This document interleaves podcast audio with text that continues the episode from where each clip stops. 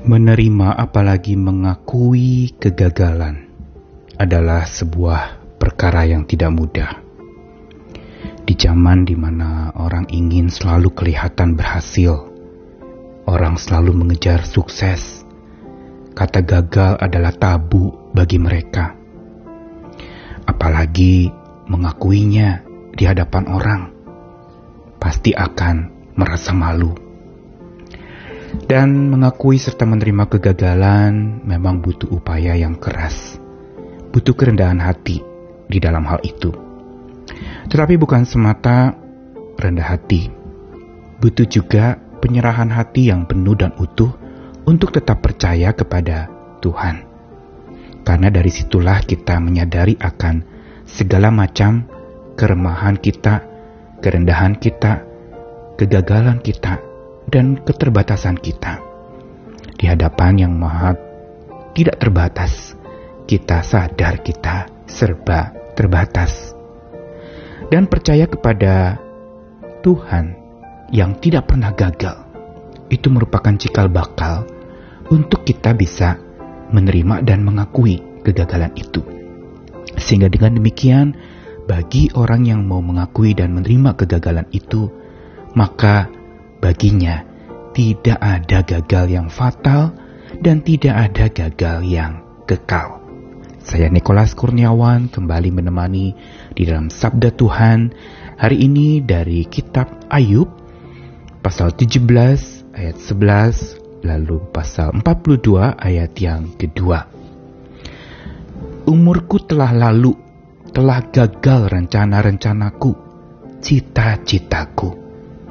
Lalu Ayub 42 ayat 2, Aku tahu ya Tuhan, bahwa engkau sanggup melakukan segala sesuatu dan tidak ada rencanamu yang gagal. Kedua ungkapan dari Ayub, tokoh yang kita tahu mengalami kegagalan total yang habis-habisan di dalam kehidupannya, sesungguhnya memberitahu kepada kita tentang dua kondisi. Kondisi yang pertama adalah kondisi ketika Ayub mengalami dan merasakan gagal sehabis-habisnya. Hancur-hancuran hidupnya, keluarganya, hartanya ludes. Sehingga tidak berlebihan kalau dia mengatakan, umurku telah berlalu. Seolah Ayub itu sudah diambang kematian. Dia sudah tidak punya umur lagi. Dia seolah mengatakan bahwa memang sudah habis riwayat hidupku. Dan bukan itu saja, dia juga mengungkapkan secara berani dan jujur mengaku sebagai seorang gentleman bahwa dia mengatakan telah gagal rencana-rencananya dan cita-citanya. Ayub di dalam segala macam keterpurukannya sesungguhnya dibekali oleh Tuhan keadaan karakteristik yang baik. Dan inilah yang menyebabkan dia bisa bertahan di masa yang buruk. Karakteristik baik apa yang dimiliki oleh Ayub? dia berani mengaku dan menerima akan kegagalannya. Sehingga dia katakan telah gagal rencana-rencanaku, cita-citaku. Kebesaran hati Ayub tampak di dalam Ayub 17 itu pada masa dia mengalami kehancuran. Namun kita melihat lagi di dalam pasal 42 ini merupakan bagian di mana Ayub akan menyudahi masa pergumulannya dan dia menjumpai bagaimana tangan Tuhan memulihkannya. Dan pada saat itulah Ayub sadar, sesadar-sadarnya tentang Tuhan yang ia percaya. Di sinilah keyakinan imannya muncul lagi setelah kegagalannya jatuh dan membuat dia bertubi-tubi habis-habisan. Dia mengatakan, Aku tahu ya Tuhan bahwa engkau sanggup melakukan segala sesuatu dan tidak ada rencanamu yang gagal.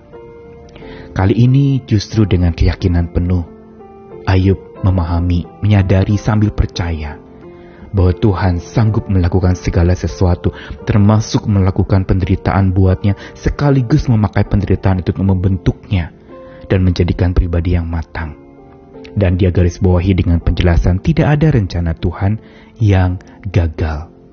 Sampai di sini kita melihat bagaimana Ayub kembali pulih, bukan semata bicara penghasilan dan kehidupannya, tapi keyakinannya. Karena setelah itu barulah dia mengalami pemulihan secara penghidupannya. Semula Tuhan pulihkan keyakinannya terlebih dahulu. Sehingga dia yakin, dia percaya bahwa Tuhan tidak pernah gagal. Ini yang menyebabkan dia tidak dihancurkan oleh kegagalannya. Ini yang menyebabkan dia justru berani mengakui dan menerima akan kegagalannya. Sehingga baginya tidak ada gagal yang fatal, Walaupun di mata manusia itu begitu fatal, hancur-hancuran, habis-habisan. Dan juga tidak ada gagal yang kekal. Tidak ada gagal selamanya bagi orang yang selalu bersandar kepada Tuhan yang tidak pernah gagal.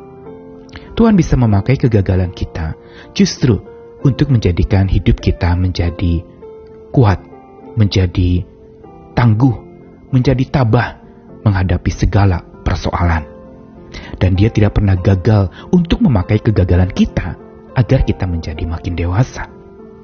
Karena itu sebagai orang percaya kita sanggup berkata seperti Ayub. Aku tahu engkau sanggup melakukan segala sesuatu dan tak ada rencanamu yang gagal. Tidak ada gagal yang fatal dan tidak ada gagal yang kekal bagi kita yang mau mengaku dan menerima kegagalan tersebut sambil tetap dan teguh percaya kepada Tuhan yang tidak pernah gagal. Hari ini bawalah segala macam keluhan akan kegagalan-kegagalanmu. Mungkin kau gagal dalam berkeluarga, engkau gagal di dalam keuangan, engkau mungkin gagal juga di dalam peran-peranmu sebagai suami, sebagai istri, sebagai orang tua, atau sebagai anak. Dan ada berbagai macam kegagalan-kegagalan yang kita hadapi di dalam hidup yang serba fana ini. Mari serahkan kepada Tuhan, tidak ada gagal yang kekal bagi yang mau mengakui dan menerima kegagalan itu sambil percaya kepada Tuhan yang tidak pernah gagal. Selamat berjuang lagi Tuhan mengasihi kita sekalian. Amin.